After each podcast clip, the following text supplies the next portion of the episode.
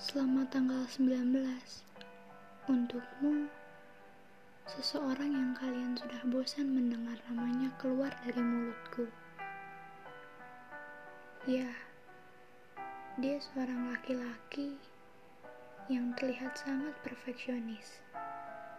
Berkacamata Yang membuatnya terlihat manis. Sudah empat tahun namanya tertulis di hatiku dan empat tahun pula dirinya mengisi ruang di hatiku. Masa remaja selalu tentangnya, dan saya berharap akan selalu tentangnya. Hari itu, di mana dia menyatakan perasaan kepadaku, dan aku pertama kali mengenal seseorang. Dia yang selalu membuatku merasa menjadi manusia paling beruntung. Dia yang selalu membuatku khawatir tentang hidupnya. Motivator paling ampuh dari sekian banyak motivator. Rasanya ingin tiap saat memandangi wajahnya.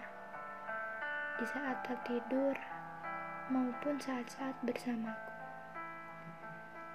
Lelaki yang selalu aku ingat matanya jika sedang bersamaku. Suatu ketenangan jika dia melihatku dengan tatapan cinta. Namun, aku selalu khawatir jika dia terlihat sedih dan enggan bercerita kepadaku. Aku gak mau kamu mikirin masalah aku, katanya sambil menunduk. Dia, seseorang yang aku cinta setelah agama dan keluarga. Seseorang yang selalu mematanya kabarnya.